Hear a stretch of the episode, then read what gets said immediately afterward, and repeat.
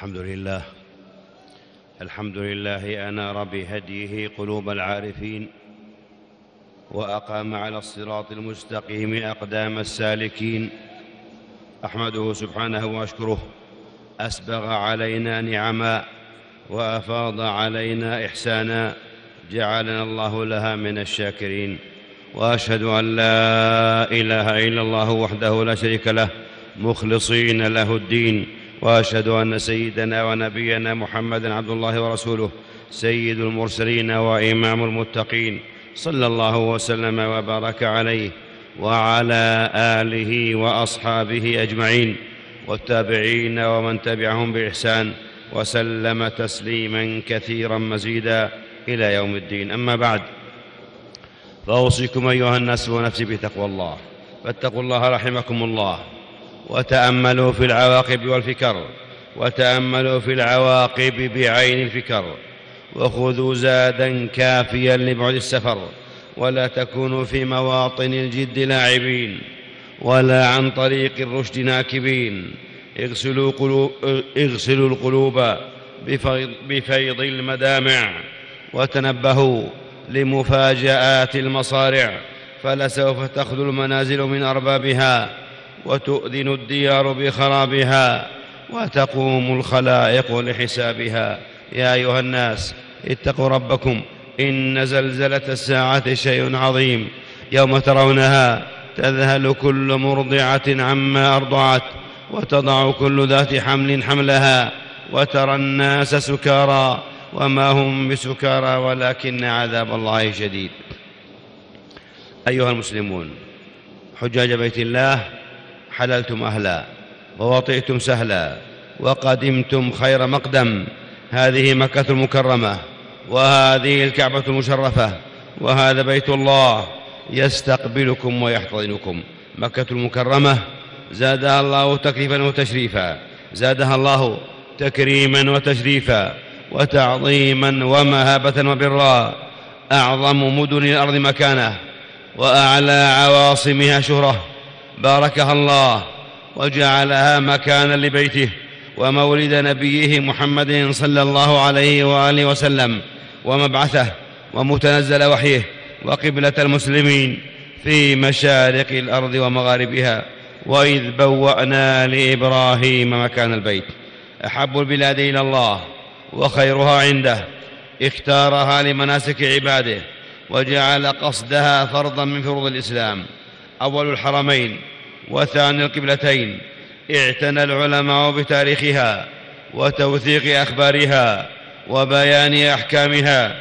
ينفق في الوصول إليها نفيس الأموال وتقتحم من أجل بلوغها عظيم الاهوال معاشر المسلمين ضيوف الرحمن بتعظيم بيت الله يعظم الدين ويتم الإسلام وتستقيم الدنيا وتشهد المنافع. مكة هي أم القرى جميع القرى بحواضرها وقراها وكل معموراتها وهي أم الثقافة والتاريخ. أقسم الله بها وبأمنها فقال عز شأنه وهذا البلد الأمين معاشر الأحبة. وهذه وقفات مع ما ينبغي من تعظيم هذا البيت ومظاهر هذا التعظيم وإشارات وإشارات لهذا الشرف والتكريم الإلهي والاصطفاء الرباني. أيها الإخوة في الله حجاج بيت الله وهل أعظم اجلالا وتكريما من أن أضاف الحق عز شأنه عز شأنه البيت إلى نفسه؟ فقال وطهر بيتي. فكم تقتضي هذه الإضافة؟ فكم تقتضي هذه الإضافة الخاصة من الإجلال والتعظيم والاصطفاء والمحبة. ونبينا محمد صلى الله عليه وآله وسلم يقف على الحزورة مودعا البلد الطاهر مكرها غير مختار ثم يقسم بقوله والله إنك لخير أرض الله وأحب أرض الله إلى الله ولولا أني أخرجت منك ما أخرجت. وهي حبيبة نبينا محمد صلى الله عليه وسلم. يقول عليه الصلاة والسلام ما أطيبك من بلد وأحبك إلي ولولا أن قومي أخرجوني منك ما سكنت غيرك. أخرجه الترمذي في سننه والطبراني في الكبير والبيهقي في شعب الإيمان وصححه ابن حبان والحاكم والألباني. وهل رأيتم أعظم من قوله صلى الله عليه وسلم في صلح الحديبية والذي نفسي بيده لا يسألوني خطة يعظمون فيها حرمات الله إلا أعطيتهم إياها. أيها المسلمون ومن مظاهر عظمة هذا البيت وتعظيمه ما وضع الله فيه من الآيات البينات والهدى فقال عز شأنه إن أول بيت موضع للناس للذي ببكة مباركا وهدى للعالمين فيه آيات بينات مقام إبراهيم ومن دخله كان آمنا. يقول, يقول ابن جرير رحمه الله الآيات البينات منهن المقام ومنهن الحجر ومنهن الحطيم. ويقول البغوي ومن تلك الآيات الحجر الأسود والحطيم وزمزم والمشاعر كلها. أما الكعبة المشرفة. أما الكعبة المشرفة يا عباد الله فهي من أعظم الآيات البينات. ففي الحديث لا تزال هذه الأمة بخير ما عظموا هذه الحرمة حق تعظيمها. فإذا تركوها وضيعوها هلكوا حسنه الحافظ بن حجر. ومن أعظم الغرائب ومن أعظم الغرائب في سنن الله أن جعل نهاية العالم بنهاية هذا البيت وخرابه واستحلاله والجرة عليه. فأمان العالم كله قدره الله مرتبطا بأمن مكة وتعظيمها وعمرانها. ومن هنا قال جل وعلا جعل الله الكعبة البيت الحرام قياما للناس. ومن الآيات البينات الركن والمقام. قال عز شأنه واتخذوا من مقام إبراهيم مصلى. وقال فيه آيات بينات مقام إبراهيم. قال قتادة ومجاهد مقام إبراهيم من الآيات البينات. وفي الخبر إن الركن والمقام ياقوتتان من ياقوت الجنة طمس الله نورهما ولو لم ولو لم يطمس نورهما لأضاء ما بين المشرق والمغرب. أخرجه أحمد والترمذي وابن حبان والحاكم وهو صحيح لغيره. ومن الآيات البينات الحجر الأسود. فعن ابن عباس رضي الله عنهما قال قال رسول الله صلى الله عليه وآله وسلم لا يأتين هذا الحجر يوم القيامة وله عينان يبصر بهما. ولسان ينطق به يشهد على من يستلمه بحق. أخرجه أحمد والترمذي وابن ماجه وصححه ابن خزيمة وابن حبان والألباني. وقال الترمذي حديث حسن. وكان ابن عمر يقبل الحجر ويلتزمه ويقول رأيت رسول الله صلى الله عليه وآله وسلم كان به حفيا. يقول الحافظ يقول الحافظ ابن القيم رحمه الله ليس على وجه الأرض موضع يشرع تقبيله واستلامه وتحط الخطايا ويوزر فيه غير الحجر الأسود والركن اليماني. والملتزم من الآيات من من من آيات البي من آيات البيت البينات. يقول ابن عباس رضي الله عنهما الملتزم بين الركن والباب. قال جابر من أهل العلم يلتزم بين الركن والباب فيضع وجهه وصدره وذراعيه ويدعو ويسأل, ويسأل الله حاجته. أما ماء زمزم فخير ماء على وجه الأرض. فيه طعام من الطعم وشفاء من السقم. بذلك صح الخبر عن رسول الله صلى الله عليه وسلم. وهو لما شرب, لما شرب له. وهو هزمة جبريل وسقي إسماعيل. يقول مجاهد إن شربته تريد الشفاء شفاك الله. وإن شربته تريد أن تقطع ظمأك قطعه الله. وإن شربته تريد أن يشبعك أشبعك الله.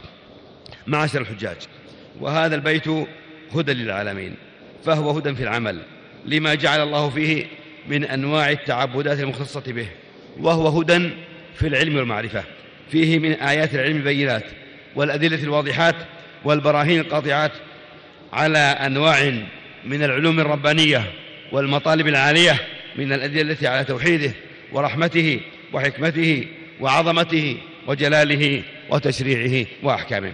وما من به على أنبيائه وأوليائه والصالحين من عباده. وكل هدى مقتبس منه. فهو قبلة في الحق وقبلة في الاتجاه. ومن أعظم خصائص هذا البيت ومظاهر تعظيمه هذا الأمن العظيم الذي جعله الله أحد أوصافه. وإذ جعلنا البيت مثابة للناس وأمنا. أولم يروا أنا جعلنا, حرما آمنا ويتخطف الناس من حولهم. أهله آمنون حين يخاف الناس. طاعمون حين يجوع الناس. أفئدة الناس إليهم مقبلة. ووجوههم إلى هذا البيت المكرم آمة ومتوجهة. الثمرات إليه تجبى والقلوب, والقلوب إليه تهوي والأرزاق إليه متدفقة والثمرات فيه متوفرة.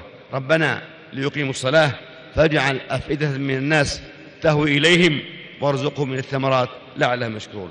تفضيل وتعظيم واختصاص في انجذاب الأفئدة وهوي القلوب وانعطاف النفوس. يثوبون إليه على تعاقب العوام من جميع الأقطار فكلما ازدادوا له زيارة ازدادوا له اشتياقا. فلله كم أنفق في حبه من الأموال والأرواح. مقدما بين مقدما هذا الزائر مقدما بين يديه أنواع المشاق والمخاوف وهو يستلذ بذلك كله ويستطيبه.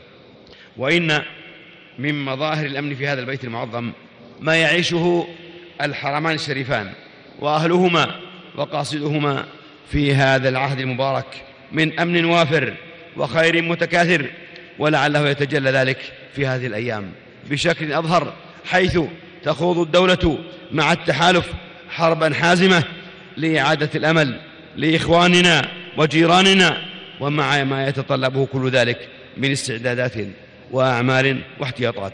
ولكن المشاهد أن الناس مواطنين ومقيمين ووافدين يتقلبون في معاشهم العاملون في أعمالهم والمسافرون في أسفارهم والمجازون في إجازاتهم. كما تستقبل هذه البلاد وهذا البلد الآمن تستقبل إخوانها الفارين من مواقع الفتن والاضطرابات في بلادهم. وتفتح أبوابها لتعاملهم كما تعامل إخوانهم المواطنين والمقيمين. كما تستقبل الملايين من حجاج بيت الله الحرام وقاصديه وهي ولله الحمد موفقة في سياساتها واقتصادها وعلاقاتها على الرغم من الاضطرابات المالية وتقلبات الأسعار. كيف؟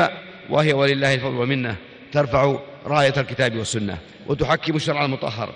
وشعائر الإسلام فيها ظاهرة تعطي المحتاج وتواسي المكلوم وتحاسب المقصر في رحمة وحزم وشفافية. فلله الحمد والمنة. بملاحظة ذلك كله أيها الإخوة يدرك المتأمل هذا من الوارث. وحفظ الله لأهل حرمه ورعاة بيته وخدام ضيوفه. معاشر الإخوة هذا هو بيت الله وهذا هو حرمه. الصلوات فيه مضاعفة الصلاة الواحدة بمائة ألف صلاة فيما سواه. والإيمان يأرز بين مسجدين مكة والمدينة كما تأرز الحية إلى جحرها. وهي محفوظة محروسة من الدجال. ليس لقب من نقابها إلا عليه الملائكة صافين يحرسونها والرحال تشد إليه مع شقيقيه المسجد النبوي والمسجد الأقصى. والوعيد الشديد لمن هم بالمعصية فيه ومن يرد فيه بإلحاد ومن يرد فيه بإلحاد بظلم نذقه من عذاب أليم. يقول ابن مسعود رضي الله عنه ما من رجل يهم بسيئات فتكتب عليه ولو أن رجلا. بعدن أبين هم أن يقتل رجلا بهذا البيت إلا أذاقه الله العذاب الأليم. معاشر الأحبة حجج بيت الله هذه إشارات لبعض هذه الآيات البينات. أما تعظيم البيت وإجلاله وإكرامه فأول مظاهر التعظيم وأولاها فعل ما يحبه الله ورسوله وترك ما لا يحبه الله ورسوله. تعظيم البيت بتعظيم شعائر الله. ذلك ومن يعظم شعائر الله فإنها من تقوى القلوب. وأول ذلك وأولاه الحرص على تحقيق التوحيد وسلامة المعتقد والبعد عن كل مظاهر البدع والتعلق بغير الله فضلا عن المعاصي والمخالفات. وإذ قال إبراهيم رب اجعل هذا البلد آمنا واجنبني وبني أن نعبد الأصنام. وإذ بوأنا لإبراهيم مكان البيت ألا تشرك بشيئا فهذا البيت المعظم التو... فهذا البيت المعظم بني لتوحيد الله وعبادته والتقرب إليه بما شرع وتحري بركته بالأعمال الصالحة. وفي الخبر الصحيح عن ابن عمر رضي الله عنهما قال قال رسول الله صلى الله عليه وسلم استمتعوا بهذا البيت فقد هدم مرتين ويرفع في الثالثة. أخرجه ابن أبي شيبة والبزار وصححه ابن خزيمة والألباني. وجاء في الأثر استكثروا من الطواف بهذا البيت ما استطعتم من قبل أن يحال بينكم وبينه. معاشر المسلمين ومعاشر الأحبة ومن التعظيم إكرام الوافدين ضيوف الرحمن حجاجا وعمارا وزوارا في رحمة وكرم وحسن معشر واستقبال وبشاشة وطلاقة وجه وتقديم ما يستطاع من خدمة. الجاهل يعلم والفقير يواسى والكبير يوقر والصغير يرحم والمقصر يدعى في تيسير الأمور وتفريج الكروب وأقرب الناس من رحمة الله أرحمهم بخلقه. وبعد حفظكم الله ورحمكم. هذا بلد الله وهذا بيته. عظم حرمته فجعل حرمه آمنا. لا يسفك فيه دم ولا يظلم فيه أحد ولا ينفر فيه صيد ولا يعضد فيه شجر ولا يختل خلاه ولا تلتقط لقطته إلا لمعرف. وإن أعظم التعظيم لزوم, الجاد لزوم جادة الشرع والإحسان إلى الناس وطهارة النفس ونقائها وحب هذا الخير ولعباد الله ولبقاع الله الطاهرة. أعوذ بالله من الشيطان الرجيم. بسم الله الرحمن الرحيم. لإيلاف قريش إيلافهم رحلة الشتاء والصيف فليعبدوا رب هذا البيت الذي أطعمهم من جوع وآمنهم من خوف. نفعني الله وإياكم بالقرآن العظيم. وبهدي محمد صلى الله عليه وسلم. وأقول قولي هذا وأستغفر الله لي ولكم ولسائر المسلمين من كل ذنب وخطيئة. فاستغفروه إنه هو الغفور الرحيم.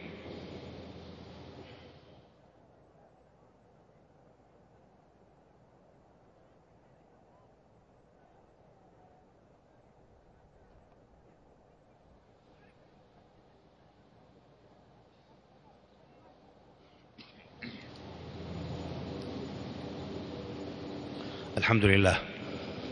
الحمد لله ذي الجود والكرم مسبغ النعم وصارف النقم وأشهد أن لا إله إلا الله وحده لا شريك له شهادة أرجو النجاة بها يوم تزل القدم وأشهد أن سيدنا ونبينا محمدا عبد الله ورسوله أوتي جوامع الكليم صلى الله وسلم وبارك عليه وعلى آله صلى الله وبارك عليه وعلى آله وأصحابه والتابعين وسلم. أما بعد معاشر المسلمين لئن كان هذا البيت لئن كان هذا الحديث عن المسجد الحرام ومكة شرفها الله فإن هذا يقود ويدعو ويذكر بالحديث عن شقيقه وتوأمه المسجد الأقصى. سبحان الذي أسرى بعبده ليلا من المسجد من المسجد الحرام إلى المسجد الأقصى الذي باركنا حوله. إنه الربط الرباني بين المسجدين والمسر النبوي بين البلدتين. فما هو حال المسجد الأقصى؟ ما هو حال المسجد الأقصى هذه الأيام؟ إنه يعيش اعتداءات آثمة وممارسات وحشية وسياسات عنصرية اعتداءات يهودية تشهدها ساحات المسجد الأقصى إنها إعلان حرب على هوية المسجد الإسلامية وهي امتداد لهذا الاغتصاب الظالم الآثم الجائر لفلسطين المحتلة كلها. أمام صمت العالم وعجزه اعتداءات تحمل المزيد من المعاناة على إخواننا الفلسطينيين عامة وعلى المقدسيين خاصة. وتظهر ما يطمع إليه هؤلاء الصهاينة من تقسيم المسجد. خيب الله مسعاهم وأبطل كيدهم وجعله في نحورهم. لقد اختار هؤلاء الصهاينة هذا التوقيت استغلالا لما تعيشه أمة الإسلام عامة والمنطقة خاصة من تنافر وفرقة وفتن وتناحر وتناحر إرهابي وتناحر إرها من, من تنافر وفرقة وفتن وتناحر إرهابي وطائفي. معاشر المسلمين حجج بيت الله ولكن لعل في هذا الحدث الجلل الذي يتعرض له المسجد الأقصى المبارك ما يوقظ المسلمين فالأقصى هو الملتقى الذي يلتقي عنده المسلمون بكل مذاهبهم وانتماءاتهم واهتماماتهم. وإن من الواجب المتعين أخذ الدروس والعبر إلى أبعد مدى والاستفادة من أن هذه الفرقة وهذا التناحر لم يستفد منه إلا هذا العدو المشترك. نعم أيها المسلمون الأقصى, المبارك هو الذي يجب أن تنتهي عنده الخلافات فهو الذي يوحد بين المسلمين عامة والفلسطينية خاصة. ولا يمكن أن يترك إخواننا المقاومون وحدهم. لا يمكن أن يترك إخواننا المقاومون وحدهم أمام هذا العدو المتسلط. إنها قضية أهل الإسلام جميعا والانتصار لها وتأييدها مسؤولية كل مسلم. معاشر الأحبة إن الدعوة موجهة لجميع المسلمين وبخاصة أساسة منهم وأصحاب القرار دولا ومنظمات وهيات لبذل كل ما يستطيعون من قوة سياسية ومادية ونظامية ودولية. ونقول وبكل ثقة إن إنقاذ المسجد الأقصى ليست مهمة عسيرة. إذا صحت النوايا وصدقت العزائم وتوحدت الجهود وسعبت الدروس. فالمسلمون كلهم يد على من عداهم. والأمة الحية هي التي تخرج من ظلام الخذلان إلى نور الأمل. إن هذه الأمة حية لا تموت حية بقوة الله ثم بقوة هذا الدين وامتلاء القلوب بالثقة بالله عز شأنه. والخلاف مع الصهاينة خلاف عقيدة وصراع بين وعد الحق ووعد مفترى. وهذه مسؤولية الجميع شعوبا وحكومات وهيئات ومنظمات. إن نصرة, إن نصرة القدس وفلسطين تكون ببروزها حية في القلوب وفي الكتب والكتابات وفي المناهج وفي الإعلام وفي كل السياسات. ثم بتأييد إخواننا المرابطين في بيت المقدس وأكنا في بيت المقدس. فهم في مقاومة شريفة في قوتها وإرادتها وثباتها وتحملها وسيبقى الرباط والمرابطون بإذن الله وحوله وقوته والنصر قادم بإذن الله وسيعلم الذين ظلموا أي منقلب ينقلبون. ألا فاتقوا الله رحمكم الله.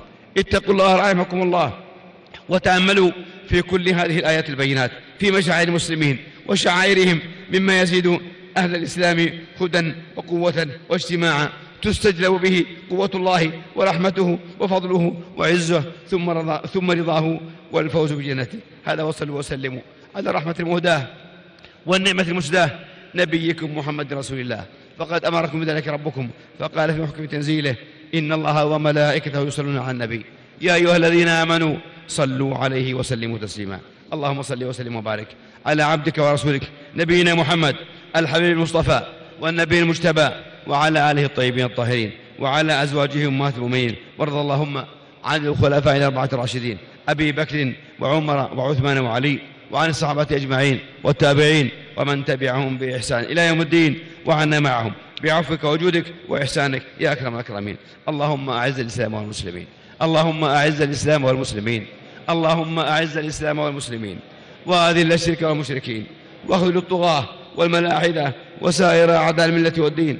اللهم آمنا في أوطاننا وأصلح أئمتنا وولاة أمورنا واجعل اللهم ولايتنا في من خافك واتقاك واتبع رضاك يا رب العالمين. اللهم وفق إمامنا وولي أمره بتوفيقك وأعزه بطاعتك وأعلي به كلمتك واجعله نصرة للإسلام والمسلمين. ووفقه ونائبيه وإخوانه وأعوانه لما تحب وترضى. وخذ بنواصيهم للبر والتقوى. اللهم وفق ولاة أمور المسلمين للعمل بكتابك وبسنة نبيك محمد صلى الله عليه وسلم. واجعلهم رحمة لعبادك المؤمنين. واجمع كلمتهم على الحق والهدى يا رب العالمين.